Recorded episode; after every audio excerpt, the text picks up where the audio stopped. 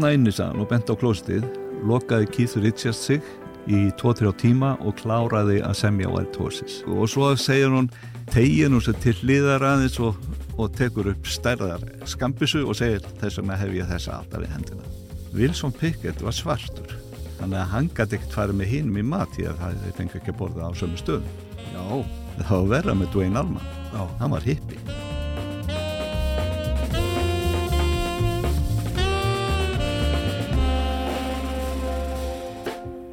Komiði sæl, ég heit Ólafur Pál Gunnarsson og þetta er Rockland.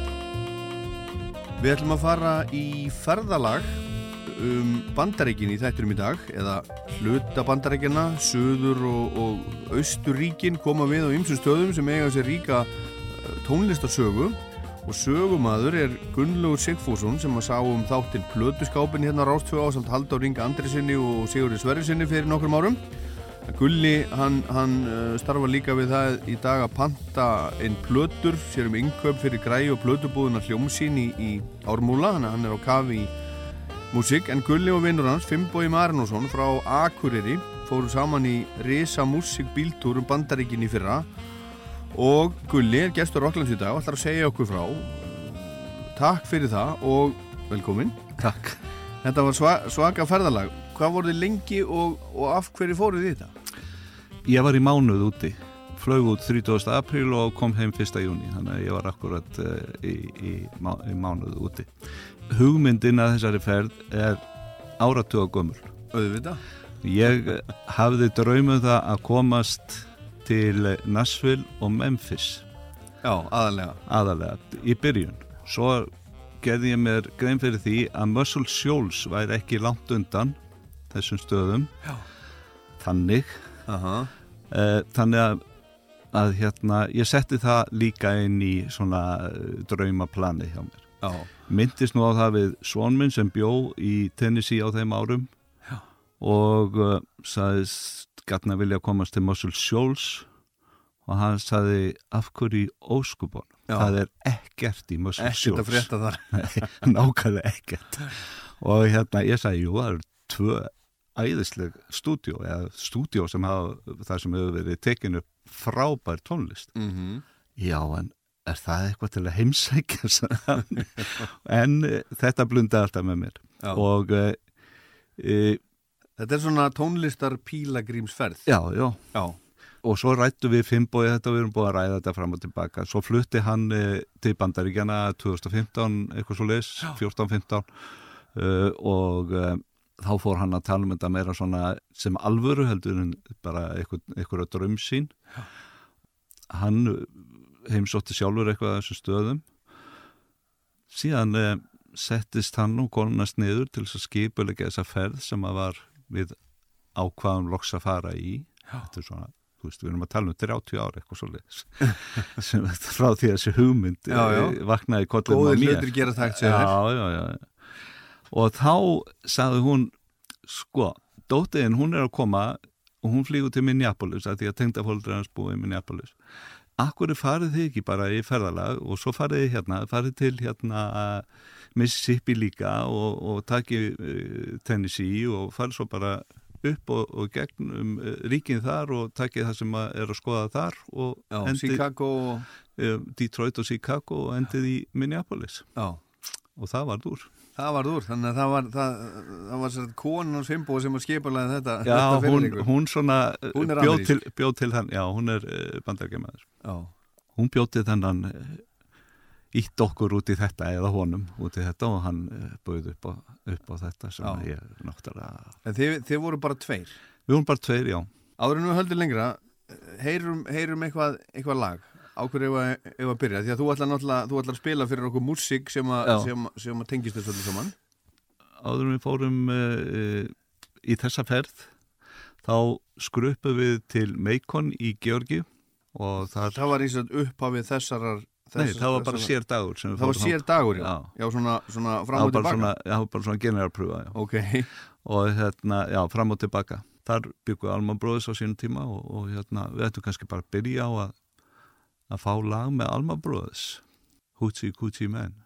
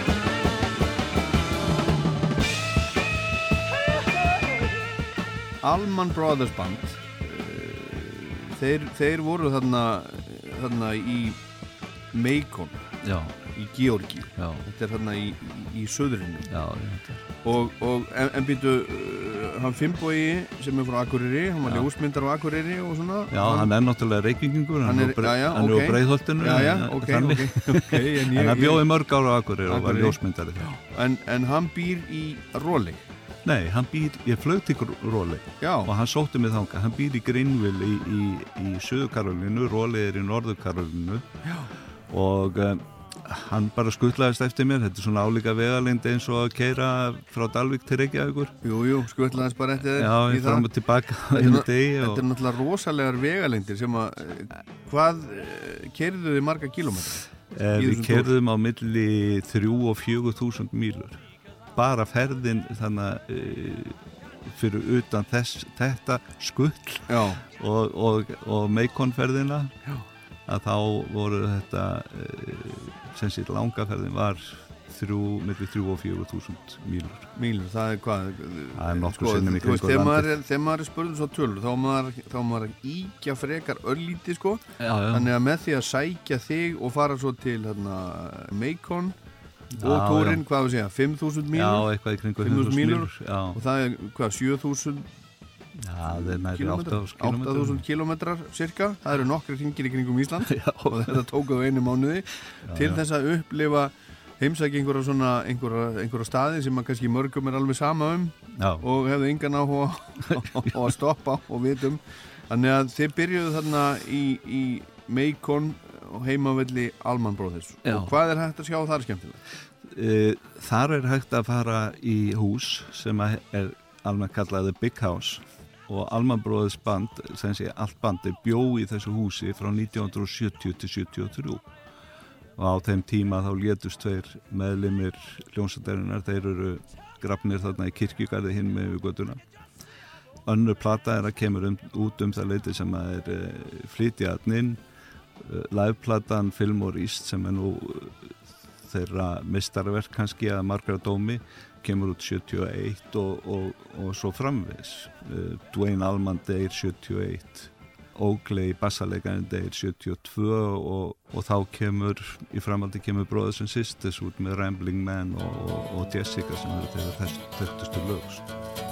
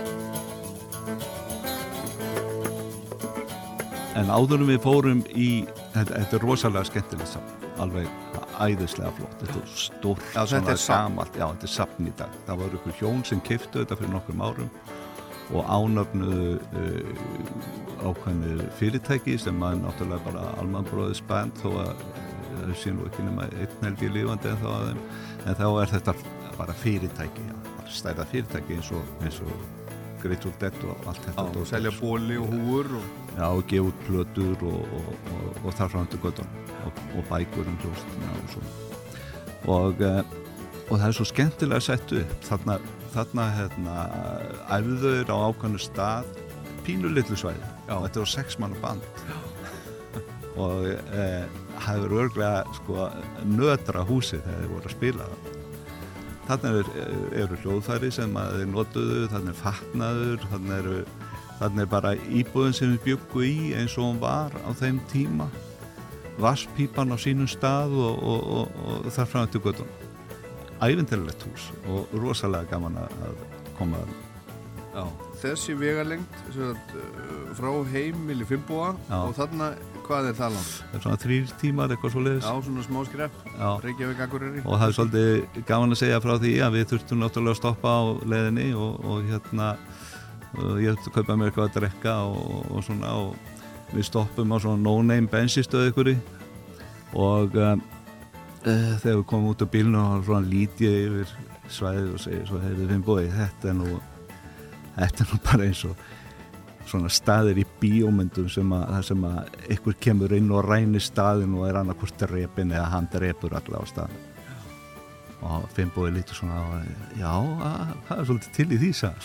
svo förum við inn og ég lappa inn eftir búð, búðinni og uh, kem þá lítið restaurant sem er það, svona pizzastæði eitthvað og þar var eitthvað svona liðið þarna á nákvæmum, við erum bara út í sveitarna sko og allir líta upp og, og líta á mig, ég átti ekki teima þarna sko.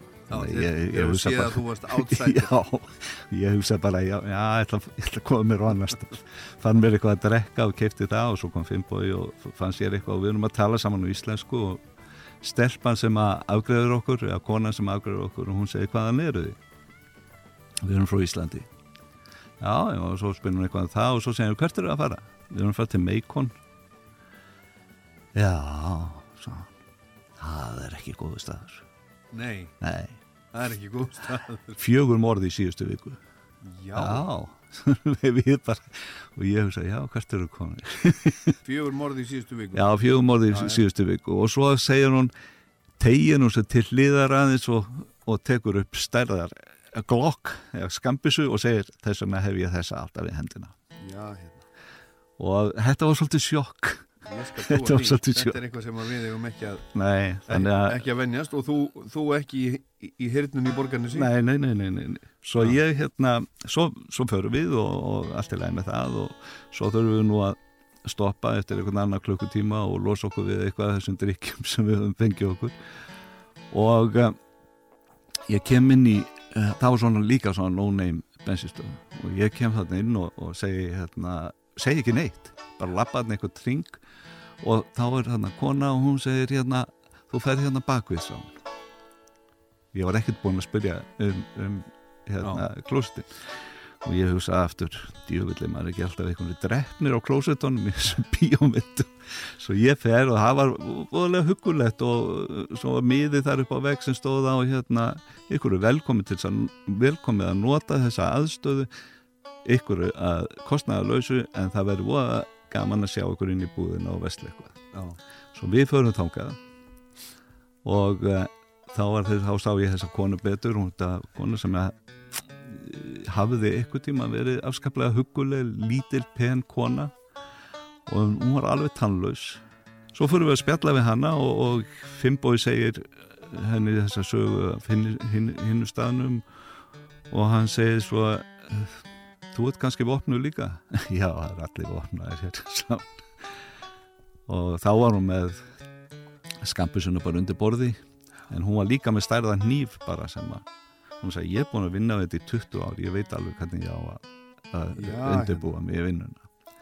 Þetta er einhver veruleiki sem að er svo absúrt fyrir manni að, að hérna að það slærum mann. Ég ætla að vona að við heyrum ekki, ekki svona sögur hérna allan þáttin Nei, nei, nei, nei, hryllingssögur af morðum nei, nei, en þau voru að vísu þegar við komum til Chicago og þá voru það ennþá verið svo Nú, já, já Já.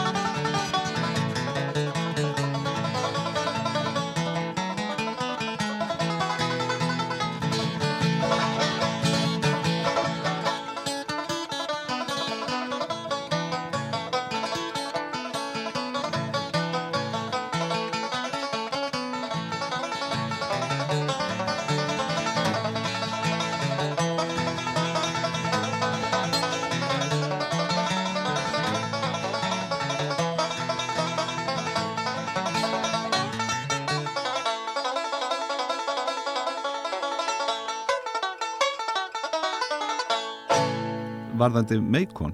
Já, Otis Redding var frá já, og Phil Walden sem var umbóstmaður Otis Redding Otis Redding dó náttúrulega 67 og þá var vandaði hann stjórnu hann gerðist síðan umbóstmaður Allman Brothers band. Já, já. Og stopnaði þetta fyrirtæki í Capricorn og Capricorn Records og allt þetta dót sem, a, sem að var í kringu það. Og við ætlum að finna uh, Otis Redding Foundation. Fundum það nú ekki en fundum hólu ansi stóra hólu og stóran borða stóða að það stæði til að byggja þarna Otis Redding Foundation þannig að einhver tíma kemst maður kannski eftir til Macon og sér það Sitting in the morning sun. I'll be sitting when the evening comes. Watching the ships roll in. And then I'll watch them roll away again. Yeah. Sitting on the dock of the bay. Watching the tide roll away. Ooh, I'm just sitting on the dock of the bay, wasting time. I left my home in Georgia, headed for the Frisco Bay. Cause I've had nothing to live for, and look like nothing's gonna come my way. So I'm just gonna sit on the dock of the bay, watching the tide roll away. I'm sitting on the dock of the bay, wasting time. Look like nothing's gonna change. Everything still remains the same. I can't do what ten people tell me to do. So I guess I'll remain the same. Listen, sitting here resting my bones. And this loneliness won't leave me alone. Listen, 2,000 miles I roam Þetta þekkja nú allir Sitting on the Dock of the Bay Otis Redding. En hann er þarna af þessum, þessum Já, hann, hann, Slóðum. hann er uppalinn í Meikon, hann er ekki fættur þar en hann er uppalinn í Meikon og bjóð þar alltaf tíð eftir það, hann var náttúrulega ekki nema 26 ára þegar hann dó. Og uh, þá var hann vísu fluttur út fyrir Meikon því að hann kefti sér búkar, hann var hann forríkur. Já, og hérna en samt sem aður sló hann ekkit verulega í gegn fyrir hann eftir hann dó. Á sko uh, popmarkan en hann var svo stór á, á hérna rhythm og bluesmarkanum að hann, hann var að fá hann var að þjena 35.000 dólar á viku sko í spilamennsku hinga og þanga en hann sem sé tók upp alla sína frægustu tónlist í Stax-stúdíónu í Memphis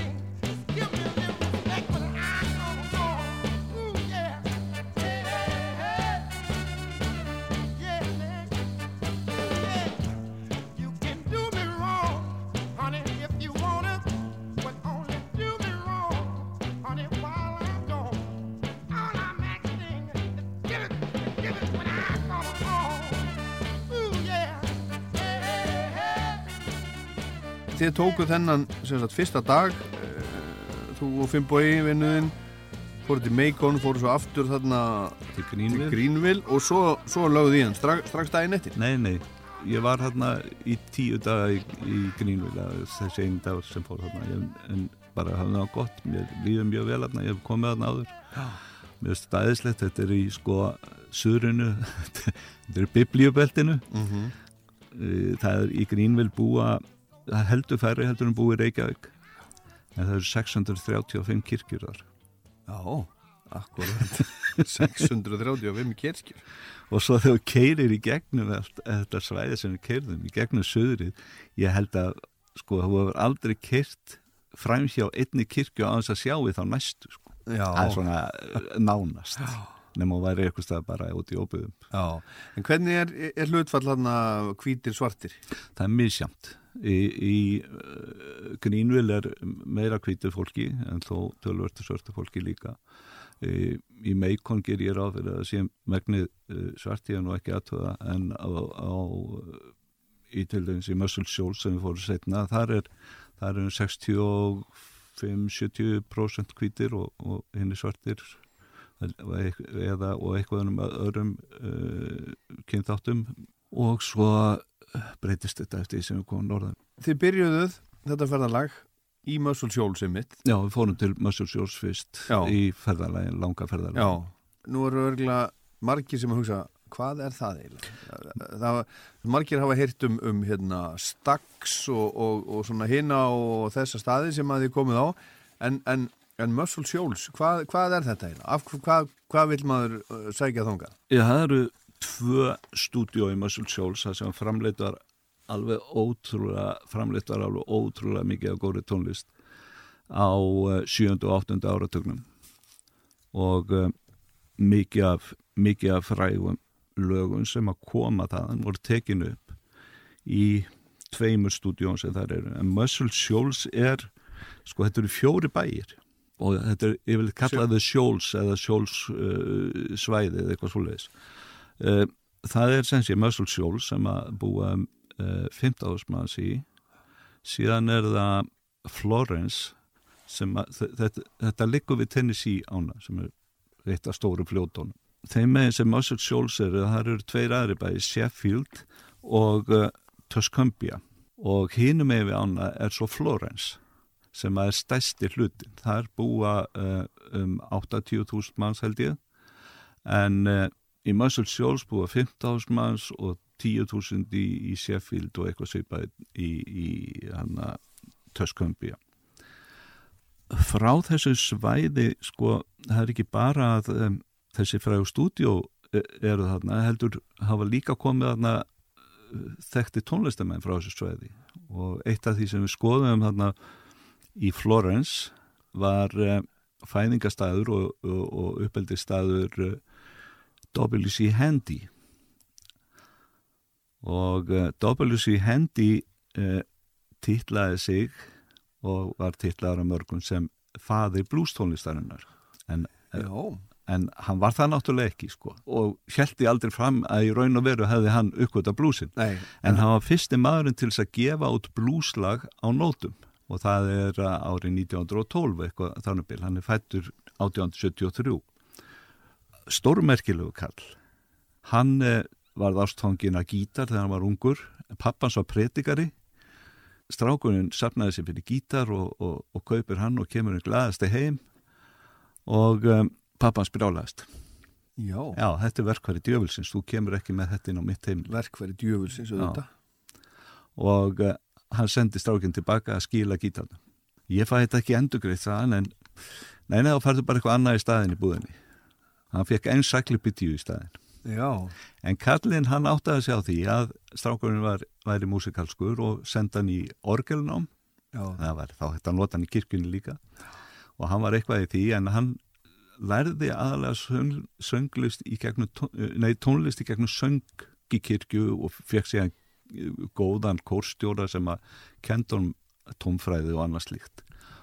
Hann bjóði að þetta var eiginlega út í sveita sem að bjóða þessum tíma og hann gætt sagt til um þegar fugglasöngin, hann elskaði fugglasöngin og hann gætt sagt um, já, þessi fuggl syngur í þessum, þessari tón Já, nú verðum við svona fullkomi tóneira Já, Já, síðan lærðan, lærðan hérna tónlist og var kennari og tók kennarapróf og starfaði hann í nokkur ár, móðgæðist síðan yfir því hvað það er alltaf að borgonu lítið og flutti í burtu og flutti til Clarksdale.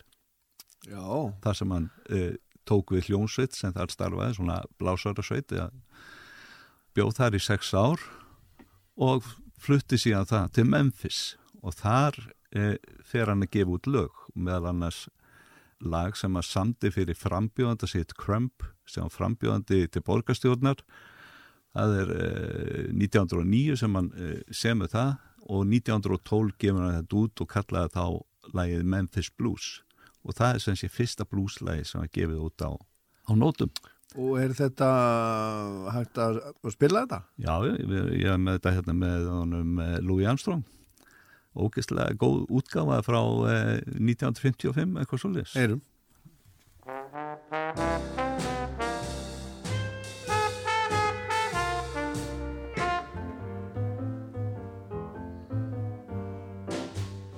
Folks, I've just been down, down to Memphis down, That's where the people smile, smile on you all the while. Hospitality, they were good to me. I couldn't spend a dime and had the grandest time. I went out to dancing with a Tennessee deer. They had a fella named Handy with a band you should hear. And while the folks gently sway, all the boys began to play real harmony. I never will forget that tune they call Handy's Memphis Blues. Oh, yes, those blues. They got a trumpet man leading the band. And folks, he sure blows them horn. And when the clarinet seconds to the trombones croon, it moans just like a sinner on revival day.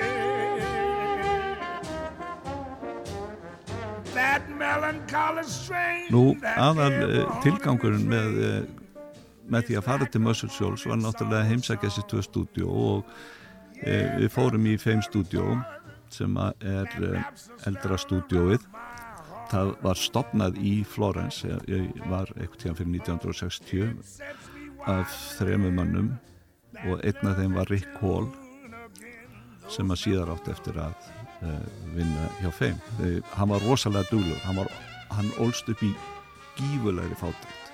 Mamma stakk af frá, uh, frá fjölskyldunni, tveimur börnum og föður sem að vann við timburfleitingar á, á hérna fljótinu.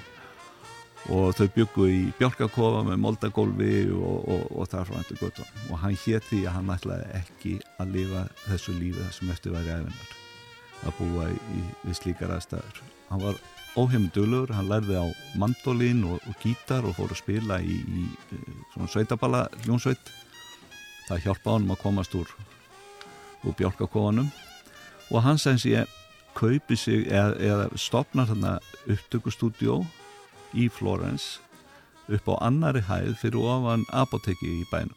Apotekarinn átti húsnæði og svonur hans var einn af þessum þremur og, og þeir verða sér út um eitthvað segulbannstæki, þokkalegt segulbannstæki og mikrofóna og bara auðlýsaði þessi um í stúdíóðana. Já, Og uh, Rick Hall uppgötaði það fljóðlega að aðferðin til þess að verða ríkur í þessum bransa er ekki að gefa út plötur endurlega heldur publishing. já, útgáð rétt. Já, útgáðurétt að, að kaupa útgáðurétt eða kaupa sig inn í útgáðurétt á lögunum sem mjög, mjög almennt að, að var gert í bandaríkanum alltaf verið þessi system heldur en hér. En er, er það þá ekki þannig að, að hann hafi krafist þess að vera skráður með höfundur nei, nei, Nei, nei, hann bara á fyrirtækið sem sér um að halda utan um höfundaréttin og það, það eru þúsundir svona fyrirtæki í bandaríkan og líka í Breitlandi eins og Northern Song sem að held utan býtla uh, lögin eða Lennon McCartney lögin, þetta á bara sér fyrirtæki Já, já. sem að og um, hann uppvitað þetta og hann þvældist út um allt mikið til Nashville og var, kom sér í mjúki hjá uh, uh, stúdióliðinu þar og var að, að svona svo í sletti plögga lögunum sem þeir voru að gefa út.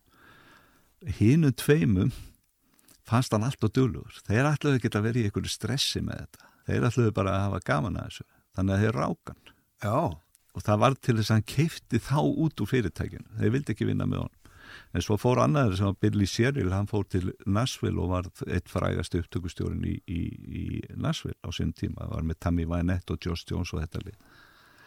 Síðan kemur hinn náingin, sem ég man ekki hvað heitir. Hann var með eh, listamann og sinns næru sem hétt Artur Alexander og hann kemur með hann til eh, Rick Cole og segir þú eru að hjálpa mér, ég er hérna með hennar gæja og hann er með gott lag. Og eh, þú voru að hjálpa mér að taka þetta upp. Og það gera það. Og uh, lagi sló í gegn. Fór bara hátt á vinsaltar poplistan í, í, í bandaríkjan inn á top 20 þar. En hann kipti publishing rænt af læginu sko, eh, Rick Hall. Og hvað árið þetta? þetta er eh, 1961 minnum mig það er betur þekkt með annari öðrum flytjanda en það heitir hérna You Better Move On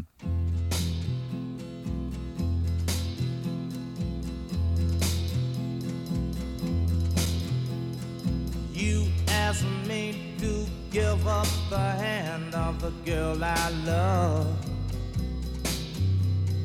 You tell me I'm not the man she's worthy of.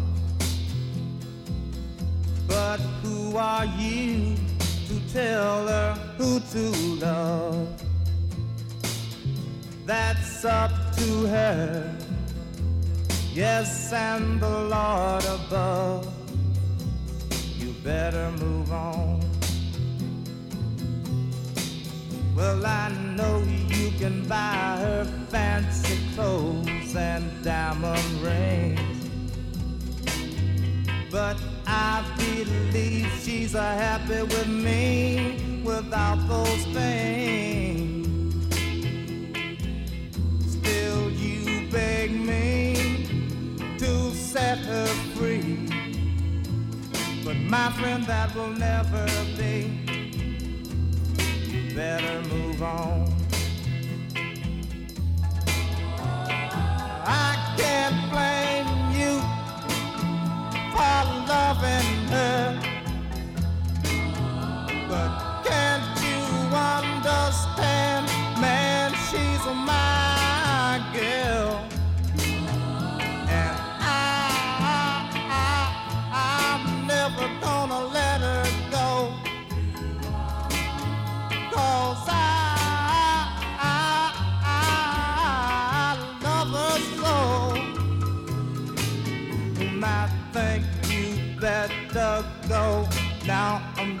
mighty mad.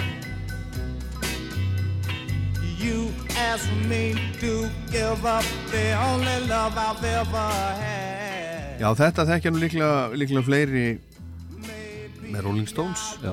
Þetta er eitt af, eitt af lögunum sem að þeir slói gegn með og þetta, þetta, þetta vakti aðtegli hérna heim til Íslands. Ég man eftir að hafa séð bara í sjónvarpinu um, loga frá Vestmanni spila þetta. Ha, svona, svona tengist þetta allt saman. Já, já. Söðrið í Ameríku bara til Vestmanni. og Arthur Alexander hann náði aldrei þessu aftur Nei. en það er annað lag með honum sem að uh, er samt vel þekkt og það er lagið Anna sem að bílarnir voru með Já, en hérna en hann náði ekki þessu flugi aftur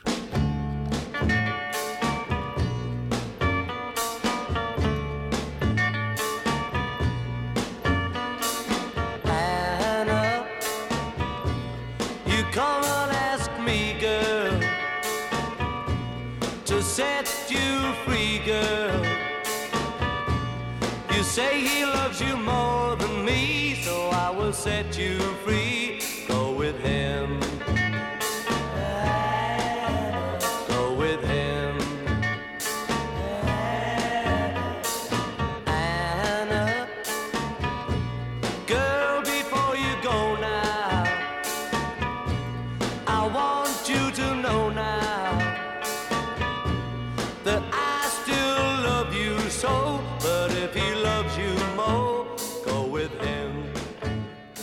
Peningandi sem Rick Hall fekk út úr þessu lagi peningandi notaði hann til þess að uh, kaupa húsnæði í Muscle Shoals og innrétta sin stúdjó og síðan byggði hann við það. Og um, það eru hann að, að, að það var eitt stúdjó uh, sem sé fyrst.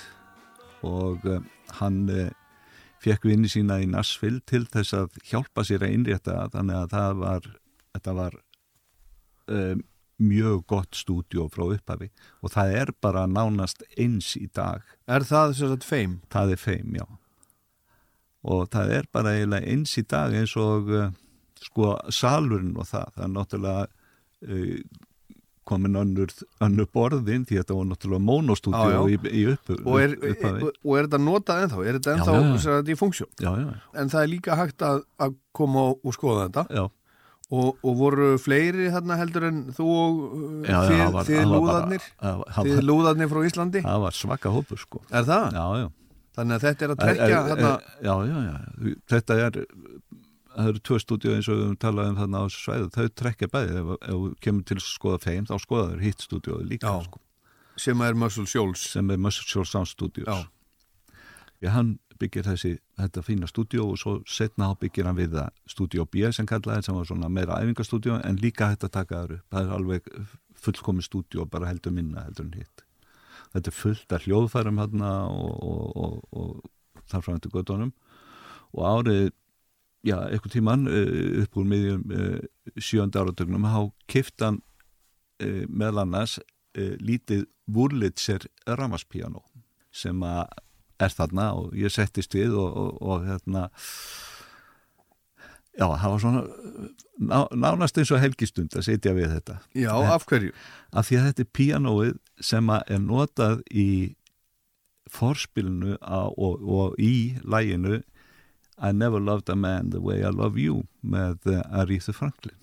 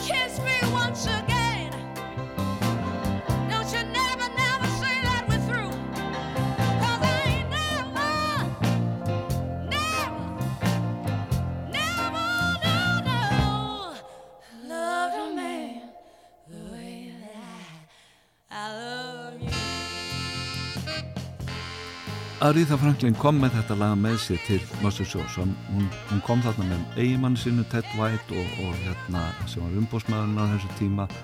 Eh, nýbúin að gera samning við Atlantic hafði verið áður hjá Columbia og það gekk ekki nógu vel, getur samt ákveðt að flutu það en hún varði ekki fræð, þess að allir hún ætti að verða fræð, það kom aldrei fyrir hún gerir samning við Atlantic.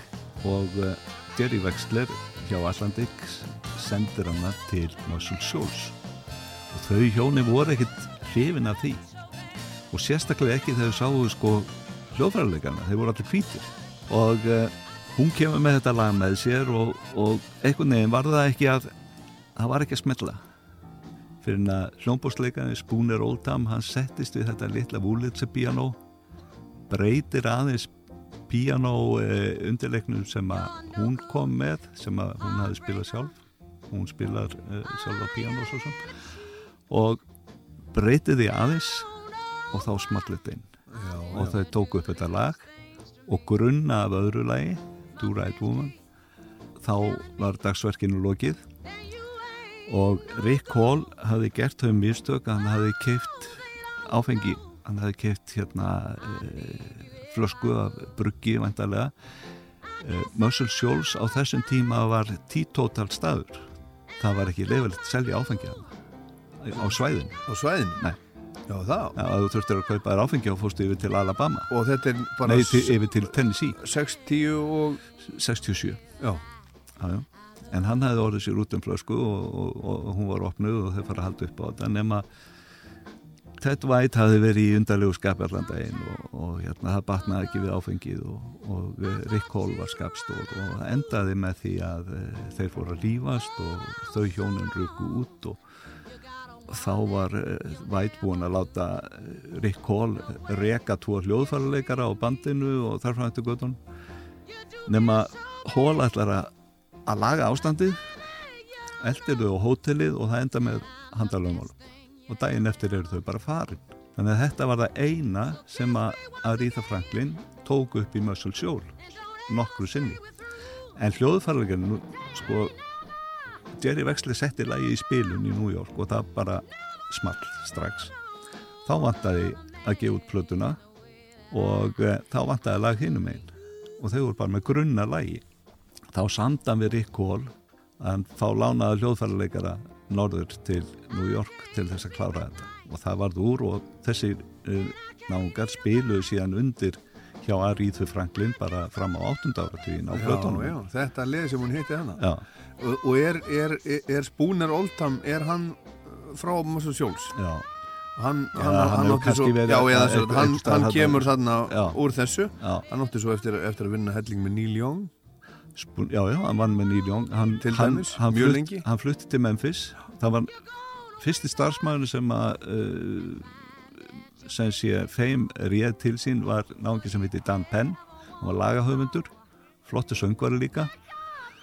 Hann eh, flutti síðan til Memphis og uh, Spooner Oldham eldan síðan þangað. Já, og þeir söndu mikið og, og uh, stjórnuðu upptökum á blöttum The Box Tops með hérna, Letter og Cry Like sem, a ko, Baby sem kom svo út á Sumir og Sílandi á dönsku. Billy þeir fór eitt flýfumaskín já, já, já, já,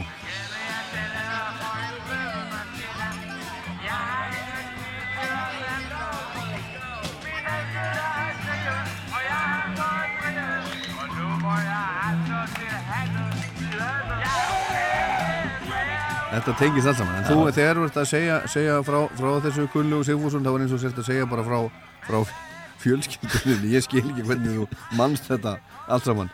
Herðu, en, en svo við höldum áfram, næsta Já. lag sem að þú ert með hérna á listanum er, er, er bítlalag. já. Hey Jude með Wilson Pickett.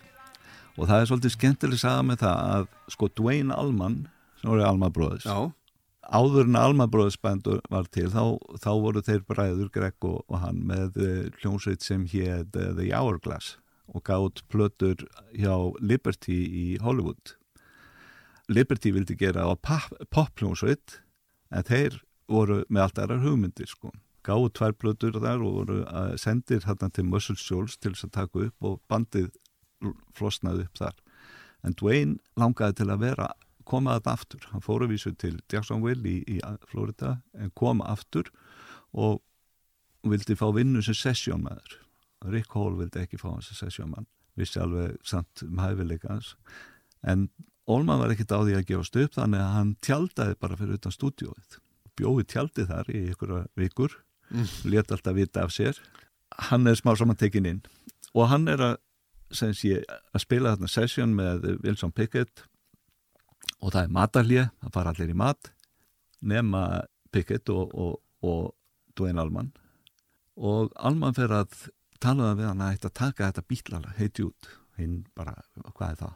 hann hafði bara valla heyrt í bítlun og uh, enda með því að, að Olman leifur um að heyra að þetta fyrir hann og hún leisti að láta og, og, og, og það var úr að þeirra ákvaði að gera þetta. En spurningin er af hverju fóru þeir ekki með hinum í mat Já, akkur sátu þeir hann að tveir eftir í stúdíónu Wilson Pickett var svartur. Þannig að hann gæti ekkert farið með hinum í mat því að þeir fengi ekki að borða á sömu stöðum. Já við erum að tala um aðskilinaðar mm Mhm. -hmm. stefnuna sem að það var í gangi að það var verra með Dwayne Allman. Já, hann var hippi. Já Þeir og hann hann var ennþá verra heldur að vera svartur. hvergi að vera Já, þannig að e, þannig var þetta, en þess að sé þetta var til þess að e, Wilson Pickett sló í gegn á, á popmarkanum. Með stór, þessu lagi? með þessu lagi, hann var stór á, á hérna, reytma og blúsmarkanum en hann var virkilega stór á, á popmarkanum með þessu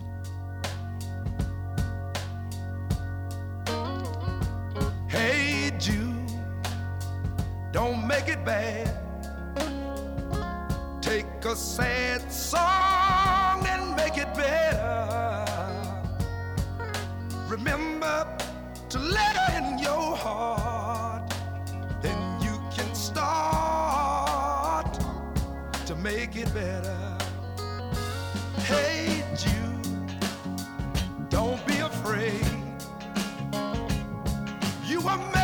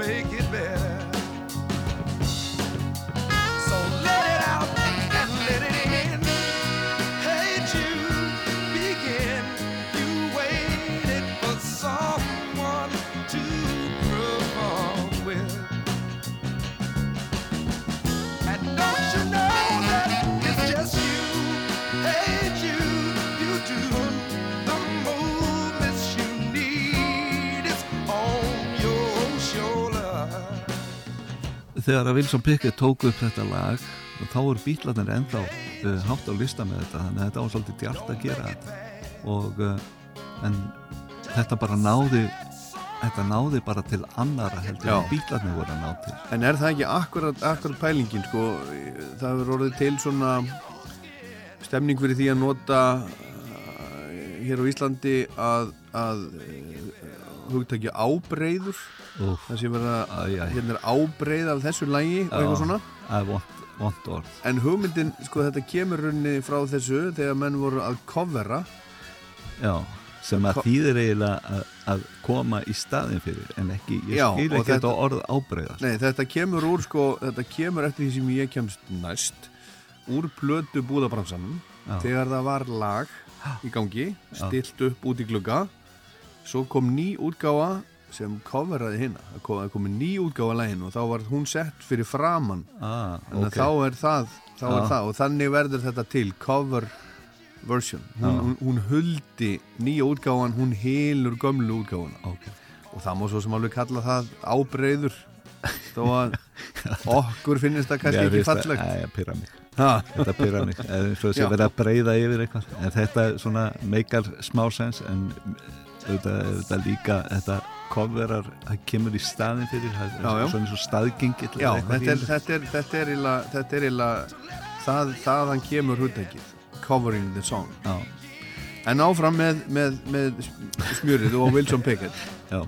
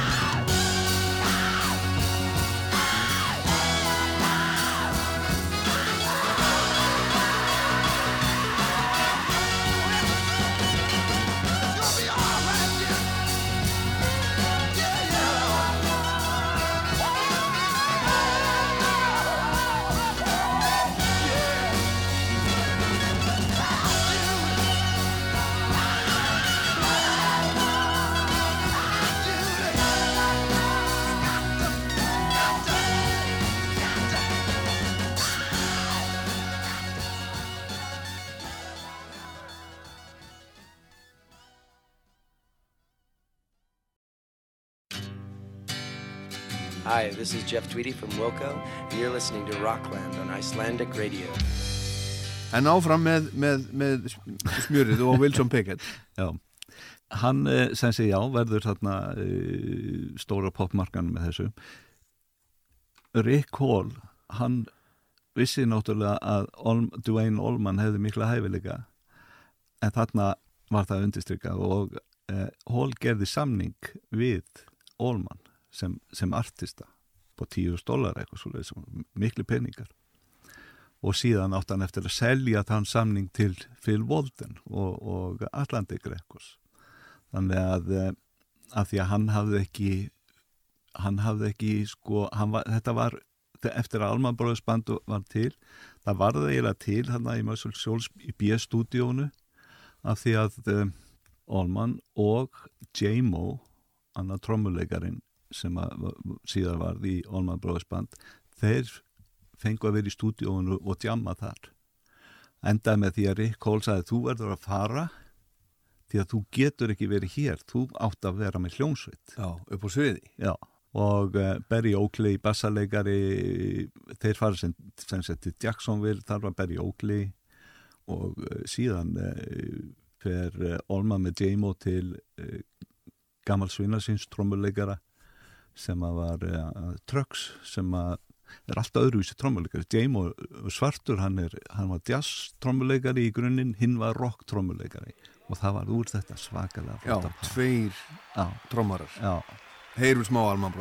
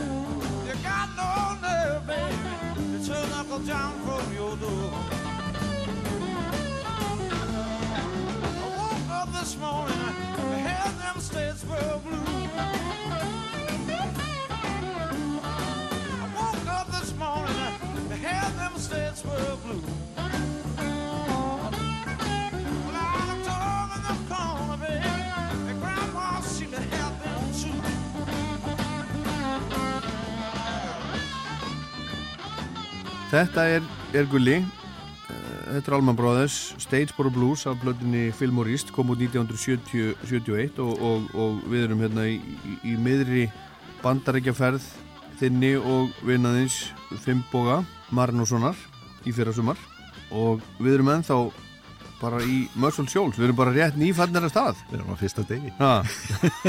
Búið að gista einan nótt í Muscle Shoals Já, þið gistu þar Já, þið voru gistum tvær nætu Já, þannig þið, þið tóku alveg svona góðan tíma í þetta. Já, Þið voru ekkert bara að hoppa inn og keira Þess... svo áfram og... Nei, nei, þessi dagur var að vísu svolítið pakkað því við tókum bæði stúdíu og við tókum hana uh, Doubles í hendi safni sem bara kom upp í hendurnar á okkur Já, og Fame Studióið og, og Muscle Shoals og og Alabama Music Hall of Fame líka. Já, já. Sem er ekkert mjög stórst en mjög skemmtilegt safn Já, en og þetta er í Alabama. Þetta er allt í Alabama en, en sko eins og með, með gistinguna Þú veist, voruð þið búin að bóka fyrirfram Já, Finnbóði var búin að skipilegja það Hann var búin að bóka, þannig að þið voru búin að ákveða þetta að vera í tvo daga Tværnættur þarna og svo ætla að fara þarna og þarna og þarna. Þannig að það var ekki, það var ekki töksa Við skulum bara gera þetta einhvern veginn. Skulum bara fara að stað og sjá hvað gerist. Nei. Allt skipulagt. Allt skipulagt. Þetta var, þetta var allt skipulagt. Staðin sem við ætlaðum að heimsækja voru að mestu skipulaðir En þegar þú ert að segja gulli þá er eins og sko, þú bara veist þetta allt saman. Þú þekkir þess að sögu út og inn. Já. hvernig í anskotanum veistu þetta? Mm.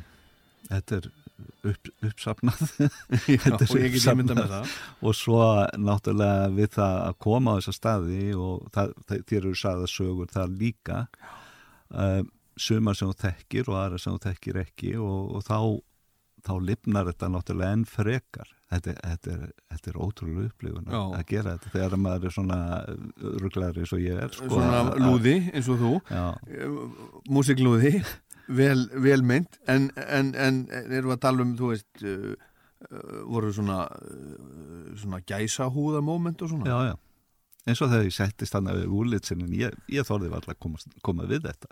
Meina, þeir eru ennþá að spila á þetta. Þetta er ennþá, þú getur, þú getur ef þú ert ef ef þú vilt fara og taka upp í, í feim getur notað þessi hljóðfæri sem þú eru að spila á eh, sum, sum þeirra á þessum tíma.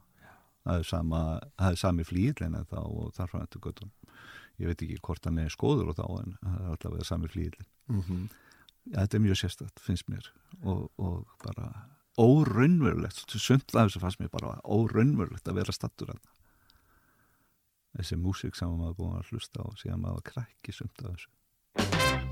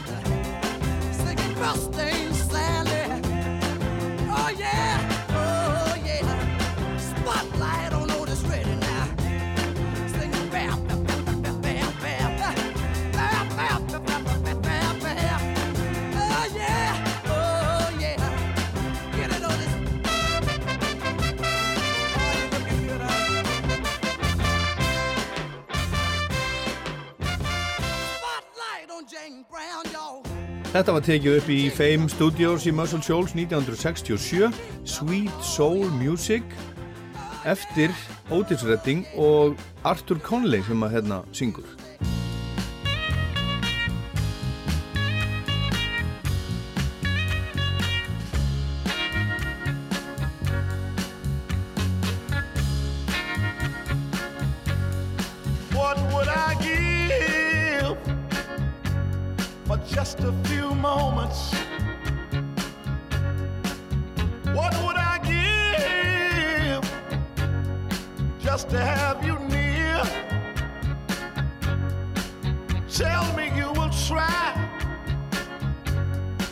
slip away somehow.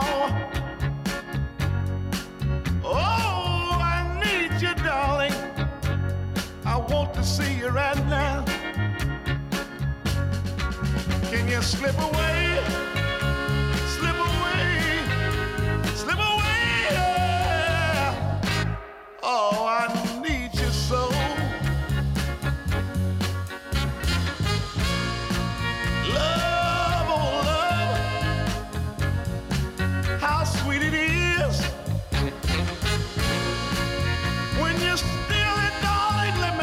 Something now. How sweet it is.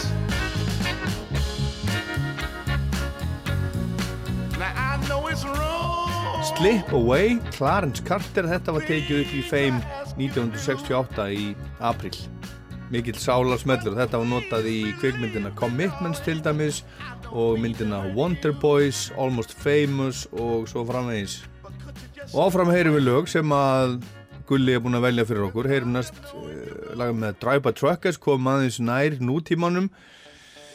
Og lægið heitir Ronnie and Neil og það er verið að syngja um Ronnie Van Sant og Lynyrd Skynyrd og Neil Young og er svona framhald af uh, svona þeirra hvað var að segja skotum á hvern annan í gamla daga. Neil Young samti lag sem að heitir Southern Man þar sem hann er að tala um aðskilnastefnuna í Suðuríkjum bandaríkjana á þeim tíma Ku Klux Klan og það allt saman.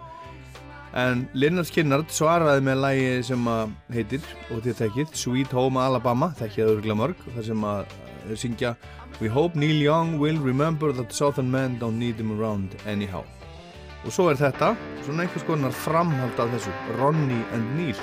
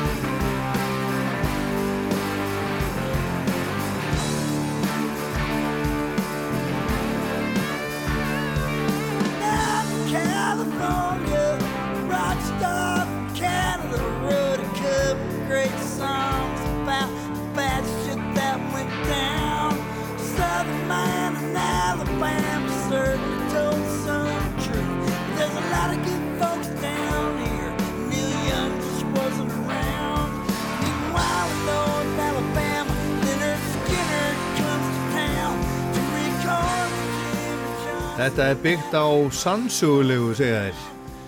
And out in California, a rock star from Canada wrote a couple of great songs about the bad shit that went down. Southern Man and Alabama certainly told some truth.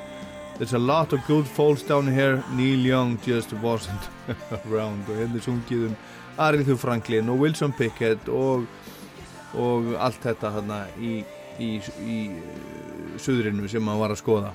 Hann Gunnlaugur Sigfússon, gestur Rocklands í dag.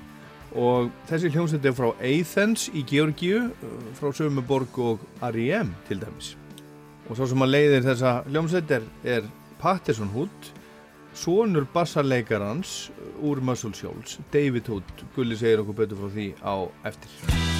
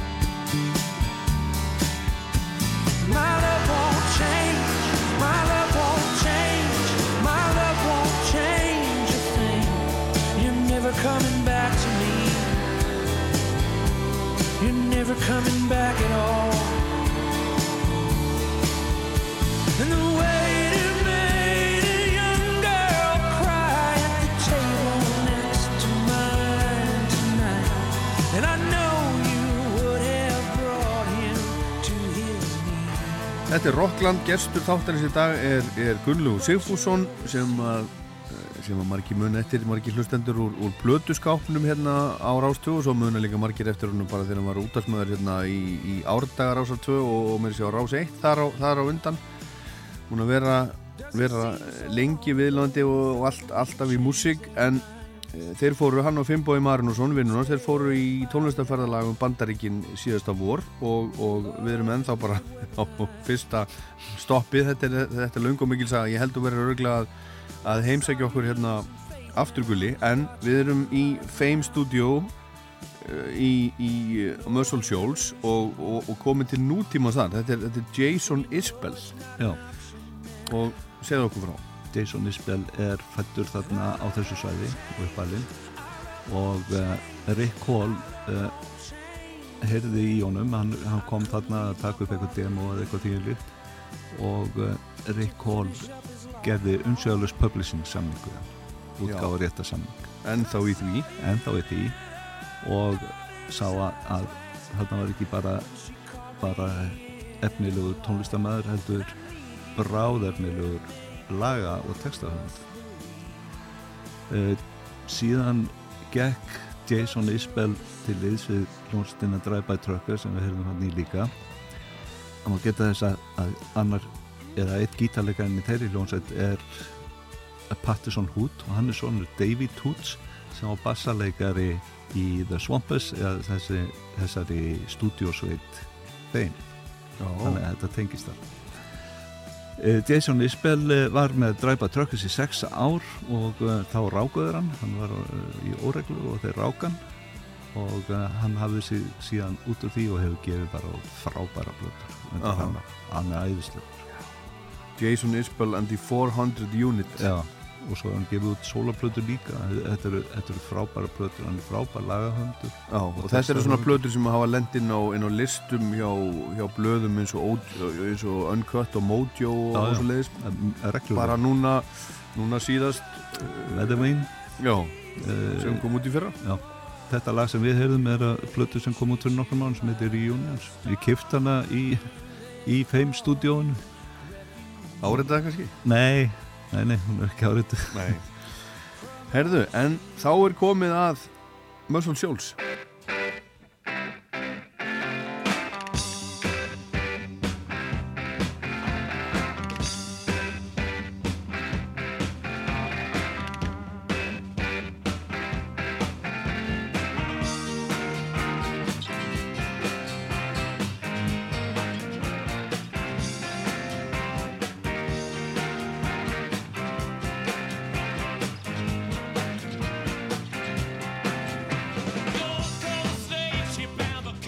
Það Muscle Shoals Sound Studios. Þessi 1969 þá gerir Rick Hall samning við Capitol Records um það að taka upp uh, ákveðið magnatónlist sem að fyrir þá hann mátti gera, taka eitthvað augreitis, eitthvað smáis augreitis fyrir önnu fyrirtæki en þá var Capitol Records hans punktur sem að og þetta var risasamningur og um, hann kallaði hljómsveitina til sín til þess að kynna, kynna þetta fyrir þeim að nú séu þeir sko komnir inn á virkilega inn á breiðu brautina og þeir segja "Bí- býta aðeins við erum hættir. Við erum að stopna okkar eigi stúdíu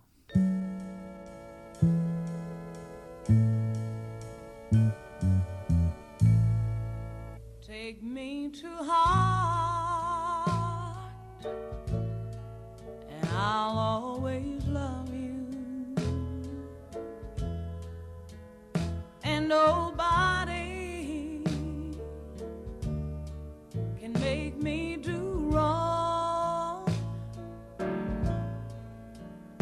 me for granted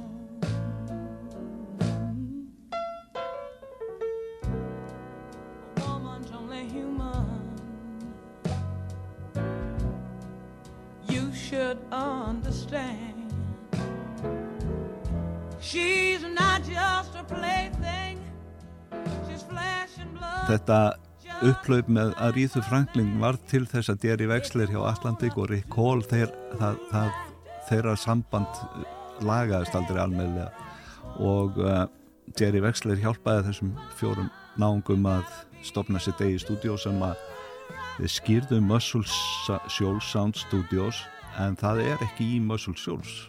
Það er í þeim hluta svoðið sem kallast Sheffield. En bara eh, það er svona stutt á milliðra mjög stutt á milliðra, næstu í hinum yfir göttuna og þetta voru sé, þessi fjórmenningar voru uh, þeir uh, David Hood, bassalegari og Barry Beckett, hljómbóslegari Jimmy Johnson, gítarlegari hann var ritma gítarlegari, hann spilaði yfirleitt ekki solo og uh, Roger Hawkins trommulegari, þetta var kjarnabandið og þeir fengu síðan nafn, svona óformlegt nafn The Swampers. Það var Ronnie Van Sant úr uh, Lindy Skinner sem gaf þeim það, það nafn. En þess eins ég opnaði þetta litla stúdjó, það, það var miklu minna heldur en uh, Muscle Shore stúdjóið, þetta er, um, þetta er bara andiri, smá skrifstofa sem var í andirinu og smá lager og uh, síðan þetta stúdjó sem er ekki mjög stort, tíu sinnum, uh, tíu, fynda sinnum eitthvað á breyttina. Klósetti er hérna bara lappa beint, beint inn í inn úr stúdíónu inn á klósettið til hliðar og svo ferði gegnum það lappi gegnum stúdíó til þess að komast inn í stjórnbórsherbyggið. Það er ekkit meira þarna sko. En þeir náðu að setja þarna á veggina dót sem að gerði það verkum að sándið var, eða hljómurinn þarna var alveg virkilega góður. Og um, þeir byrjuðu að Jerry Wexler, hann sendi sér til að gera fyrstu blöðuna þannig og sér. En einu sönnu sér. Mm -hmm. og hún gerði blödu þarna 69 og uh, gerði ekki neitt seldist ekki neitt. Það var ekki slæmplata en hérna lagði hann í Cry Like a Baby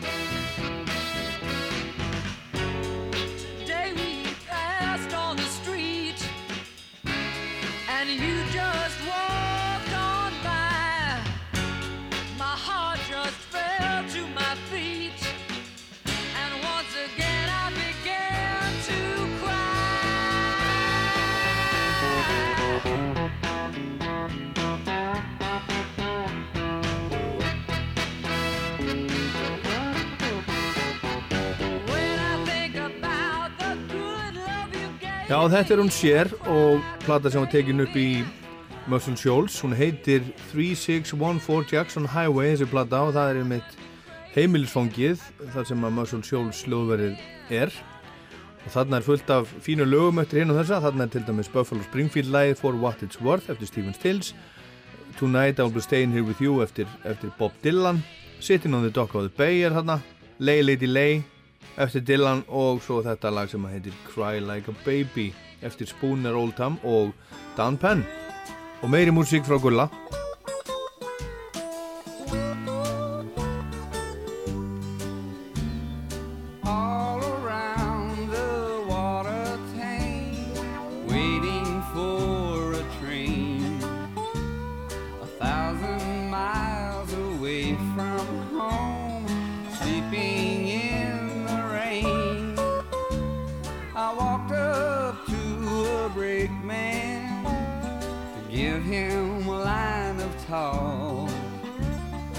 says, if you've got the money, I'll see that you don't walk.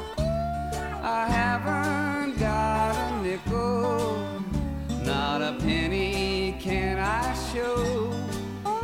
Get off, get off, you railroad bum. He slammed the boxcar door. Yodelay,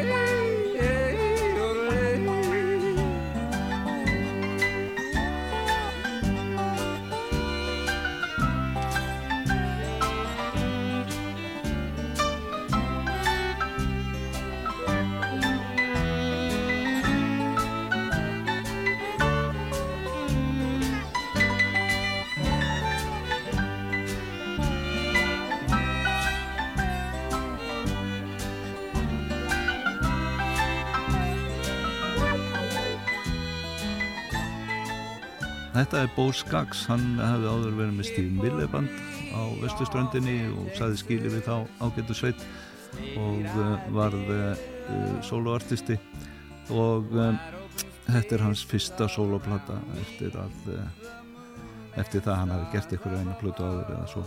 En þetta er fyrsta alvöru platana hún er tekin upp í Muscle Shoals Sound Studios.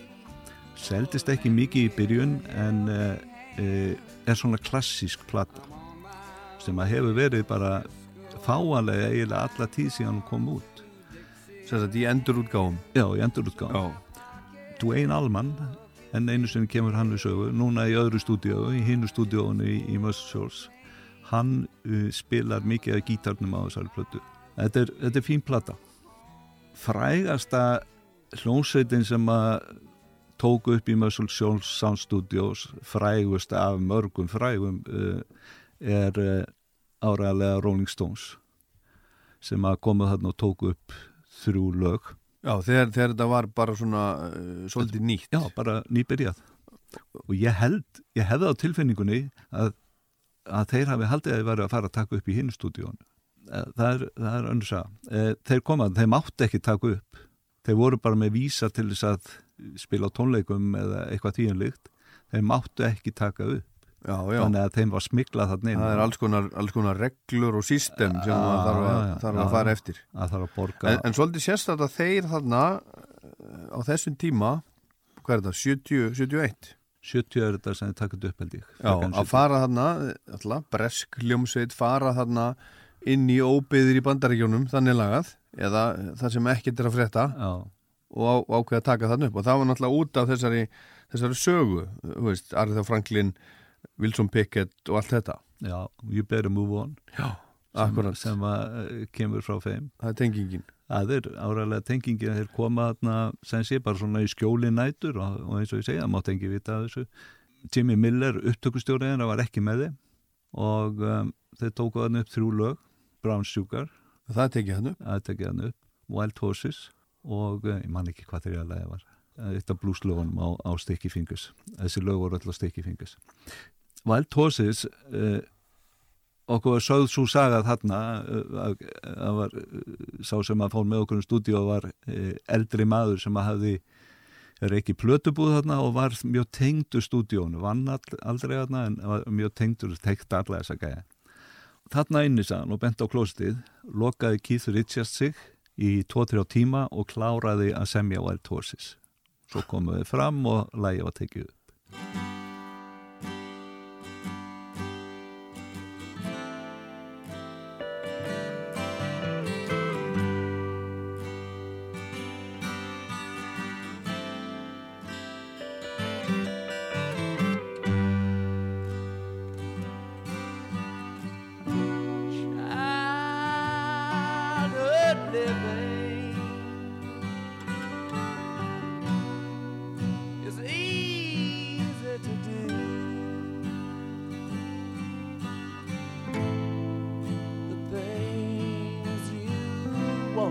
waiting.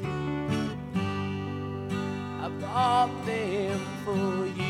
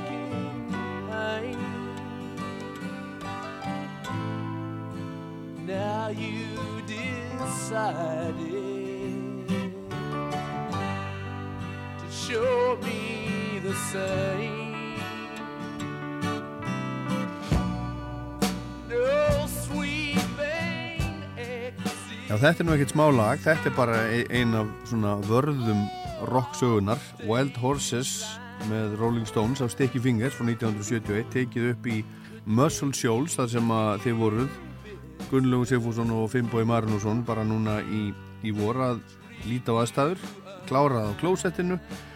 Og, og hérna, þessi sem að, sem að saði ykkur söguna því, sem sagt, var hann hérna á þeim tíma eða, Já, hann var viðurlóðandi á þeim tíma. Já, já, þannig að þetta var svona frá, frá fyrstu hendi. Þetta, þetta voru vinnir sko. Þetta eru, þetta eru góðsögur, Já, góðsagnir. já Jimmy Miller, upptökustjóri, hann var hann var ekki viðstættuð, hann það var Jimmy Johnson gítarleikari sem að stjórnaði upptökun, tók, tók þessi lögu upp. en hans, hans er ekki getið á plötunslæðinu sem upptökustjóra heldur Jimmy Miller en það voru fleiri eh, þekktir mikrútur að þekktum lögum tekinu upp að Linner Skinnert þvældust þarna inn áðunum árið 1970 á, bara þeir eru algjörlega óþæktir þeir komið frá Jacksonville sam, í, í, í hérna Florida líkt og Alman Brothers. Mhm. þar var Alman Brothers band til. Elskuðu, þetta voru strákar sem voru undir áhrifin frá Alman Brothers. Og þeir tók upp demo í öðru litlu stúdíu sem var þarna og uh, Jimmy Johnson heyrði það og hann vill fá þessar strákar til sín og gera eitthvað gera eitthvað fyrir þá. Og þeir tók upp 11 lögarna uh, meðal annars Free Bird og uh, eitthvað lögur If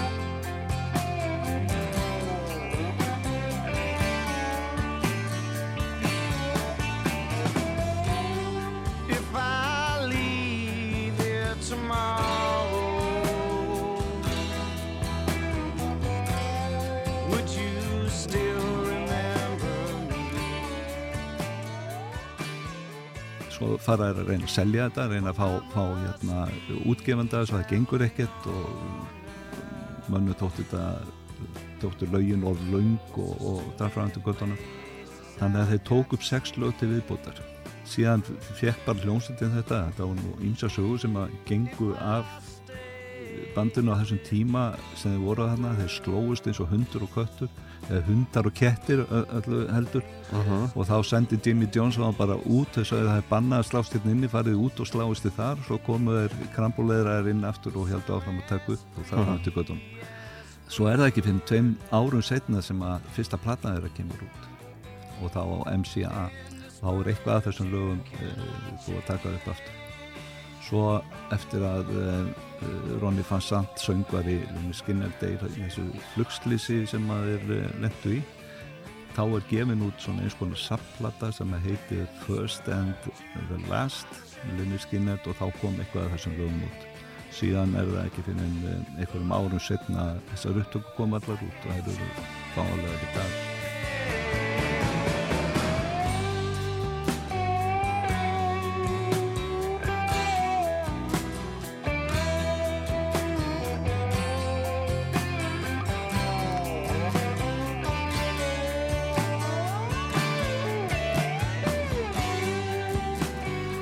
Seeger, hann tók upp heilmikið þarna og hann notaði alltaf húsljónsettina, ekki sína hljónsett þegar hann tók upp í Muscle Shoals hann notaði hann alltaf húsljónsettina. Og um, svo er hann að taka upp lag þarna sem heitir Old Time Rock and Roll sem hann þekkt. Aha. hann stoppa leigubíl fyrir utan og innstekkur einhver náungi og hann er að, eh, hérna, er að spjalla eh, við menn hérna á skrifstofunni og hann vil endilega fá að, hann er gítalegari og, og hérna endilega fá að spila. Og þeir segja ok, við erum að taka hérna, komdu inn og syndu hvað þú getur. Og hann tekur hérna solo í old time rock and roll og síðan bara labbar hann út og þeir vissi ekki einu sinni hvað hann hétt og lagi kom út og var hitt. En hann, eh, sem sé, síðan kom í ljós hvað hann á að geta var, ég man ekkit hvað hann heitir. Hann hefur átt svona eitthvað smá feril síðan. En hann bara droppar inn á götunni tekur þetta solo og út aftur og, og þar með saga, var saga hans í Mössulsfjóls búin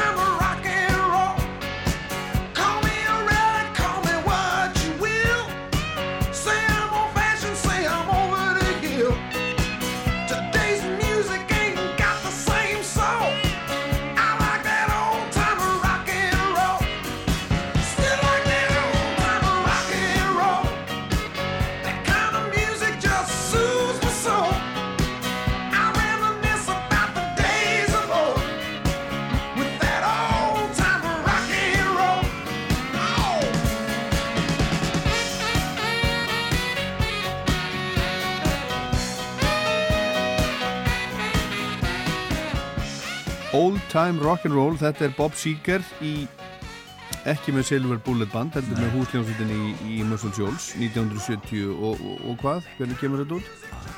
Nei, en Rod Stewart hann fór hann líka já, já. og það er, þeir eru, þeir eru ánæður með það, er ekki myndir upp á veggjum af, af svona plötu umslögum Já. og, og svona því sem hefur Jú, verið tekið hann upp í gegnum tíðina er þetta ekki platan svona, svona bleik Nei, þetta er plata, þetta er Atlantic Crossing plata. Atlantic Crossing Já, hann tók upp nokkur löðar. Já, sumt af því sem þeir gerði gegnum tíðina voru að þeir tóku upp sko, þeir voru grunnbandið mhm, og síðan var tekið ofan eða eitthvað annar stað en sem sé, hann tók upp nokkur löðarna og þar á meðal Sailing sem er á Atlantic Crossing Já þannig er I don't wanna talk about it líka. Já, eftir Danny Witten sem var gítarleikari í hljómsveitin hans Neil Young, Crazy Horse. Já. Þetta er platan sem að Rod Stewart slær virkilega í gegn með í bandaríkjum og uh, byrjar fyrsta platan sem hann gerði fyrir, fyrir Warner Bros. og þetta lag hérna, ætlum að heyra það Sailing, þetta er bara eh, bara þegar ég hugsa hugsa tilbaka sem ég er heima hjá mér að hlusta útarpið þá er þetta lag alltaf í útarpinu Já, það var rosalega vinsælt. I am sailing, I am sailing home again, across the sea. I am sailing stormy waters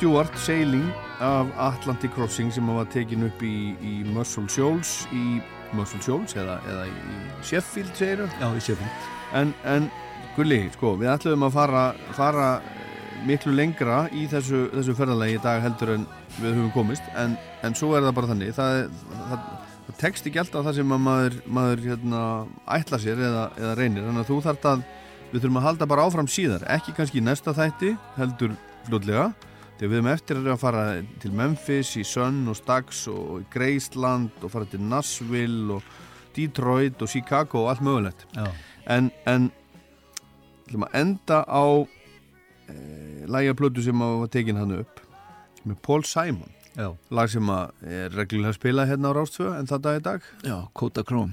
Já. Eh, Þetta er af annari soloplötu Paul Simons sem heitir There Goes Rhyming Simon. Var rosalega vinsæl. 1973. Ég man svo vel eftir því vegna þess að þetta var ár sem að maður eitti stórum hluta á rúndinu Já, í Reykjavík og hlusta á kanan. Já, já, og þá, þá glumdi þessi lög eins og Kota Króm og, og fleiri lög að þessari plötu. Til 1973, þessi plata var einmitt til í plötusafnunars pappa geti trúað því. En uh, Paul Simon kemur þarna til Muscle Shoals og bókar stúdíó í nokkra daga. Man ekki hvort það voru fimm dagar eða vika eða eitthvað svoleiðis og ætlaði að taka upp eitt eða tvö lög. Og uh, eftir bara örfa á klukkutíma þá voru við búin með eitt lag og svo klaraði annar lag. Og þá átt að marga daga eftir að enda með því að helmingur lagana af plötunni eru tekin upp í Muscle Shoals Sound Studios. Þessi gæjar voru ekkit að hangsa yfir hlutunum þeir bara gerðu Já. það þurfti ekkit að það þurfti ekkit e, e, miljón e, tökur til þess að, að hérna, finna finna hérna útgáfu sem maður mátti gefa út. Þannig að þetta var mjög ólíkt því sem að Paul Simon hafði verið vanur að gera á síðustu blötunum með Simon Garfunkel og fyrir í soloplötunni sinni þannig að hann var í, bara í hálkjörnu vandræðum þarna eftir fyrsta daginn, hvað hann ætti að gera. Já, þannig er American Tune, það er á þessari plötu Lost Me Like a Rock. Lost Me Like a Rock er tekið upp í Muscle Shoals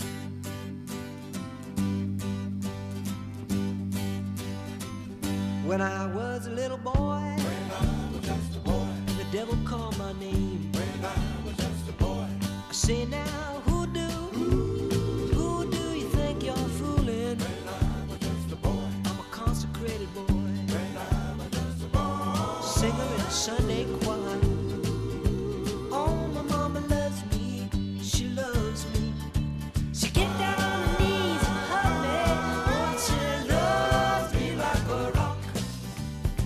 En, en mannst þú, Gulli, sko, mannst eftir því þegar þessi, þessi plata kom út að, að þið sem voruð að fylgjast með og svona, voruð þið eitthvað að tala um, já, býtu, þetta, er komið eitthvað alveg nýtt, þetta er eitthvað nýtt sound, voruð voruð eitthvað að pæli því eða var þetta bara ný plata frá Paul Simon? Mm, Já, ég, sko, þetta var ekkert endilega mín tónlistöð, mér fannst þetta æðislegt í útvarpinu, en ég kefti þetta ekki. Nei. Þá var ég að kaupa, þá var ég bara í progginu og svoleiðis og Já, það var þannig að eh, lengi vel þá hlustuðu Íslendingar miklu meira á breska tónlist heldur en bandaríska. Í kringu 1970 upp úr 1970 þá fyrir þetta breytast þegar Karnabæður opnar sína hljóndeld og sérstaklega þegar Fago opnar sína hljóndeld og þegar Steinaberg kemur til sögunar og þeir fara að uh, panta inn frá Ameríku og það kemur meira af amerískum flytjendum.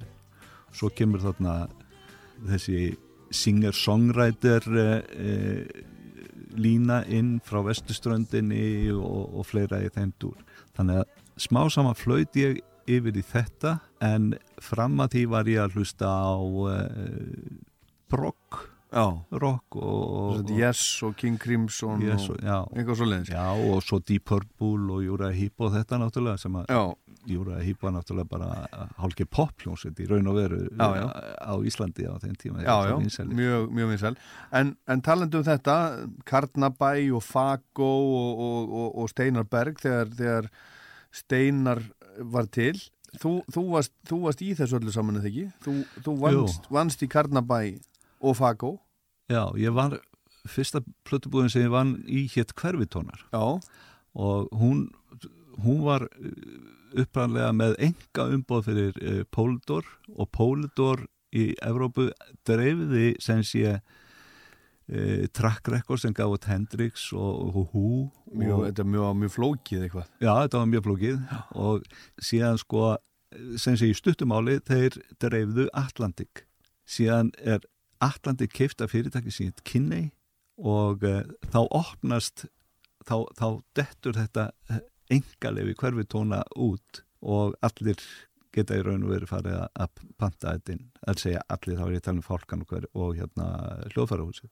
Svo koma hinnir og það sem Fago gerði var að panta plötu frá Ameríku sem hafði það hafði að verið gert áður. Hljóðfæraverslun Sigriðar Helgadóttur hafði gert það til dæmis. En uh, þarna, þarna það opnast nýja vitir og þarna koma líka fljótlega inn band eins og Alman Brothers band og Stíli Dan og, og, uh, og fleira í þeim dúr og svo svona country rockið og, og, tarfræðandi göttunum En spurningi var, þú varst með í þessu öllu saman? Já, ég sem sé í hverju tónu þannig að síðan fór ég nú í tónlistskólanum, var í, í tónlistskólanum í, í uh, tvö ár og 75 þá uh, byrjaði ég að vinna í Fago og síðan uh, vann ég hjá Jóni Ólasinni þegar hann var að byrja svo í Hafnafyrði og var með innflutning líka uh, þetta áður en að skífan, var til. áður en skífan var til Kljómblöð útgáfan. Já, ég hætti, ég hætti daginn sem skífan opnaði á laugavegin Já, já. og hérna fór að vinna hjá Steinari Þú varst með Steinar, er það ekki, þegar Steinar bara er að byrja. Jú, þegar hann, Steinar. þegar hann byrjar í samstarfinu við eh, Karnabæ. Eh, Það er haustið eh, 76. og gefur út sumar á Sílandi. Nei, það kom út 75. Það kom út bara um það leiti sem að ég byrjaði í, í, í Fago Já, og uh, Steinar var þá vestlunarstjóriðar og um, svo hættir hann fljótlega eftir það. Og, og fer að gefa út, hann gátt uh, sem sé sumar á Sílandi og uh, fyrstu spilværsplutuna, það eru sem sé ekk 13 og ekk 14 uh, hérna, númera á þeim. Svo verður til þetta félag sem heitir Steinar HF og það er ekki skýrt eftir Steinar Berg. Nei, heldur er það Óli Þórðar var í því og hann sem sé Ólíf Ríó.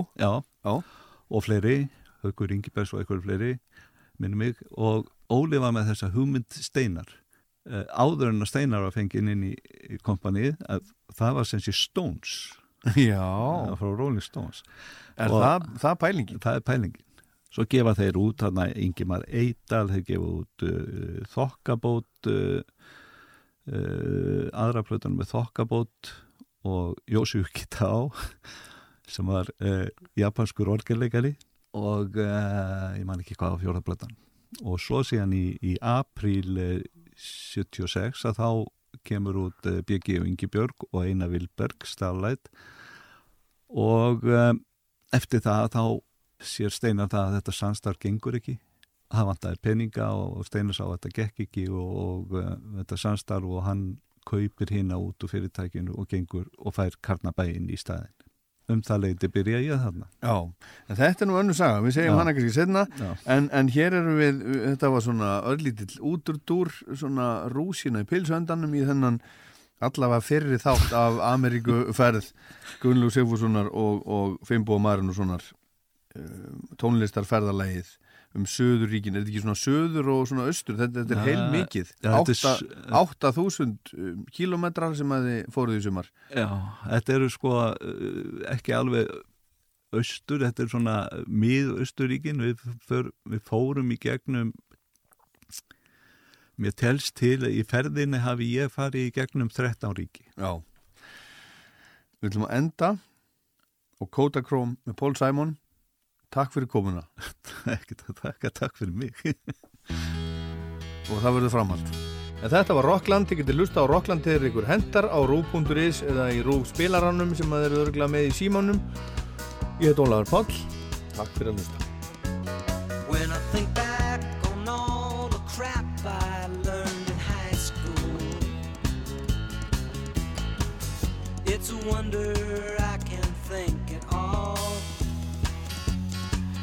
my life.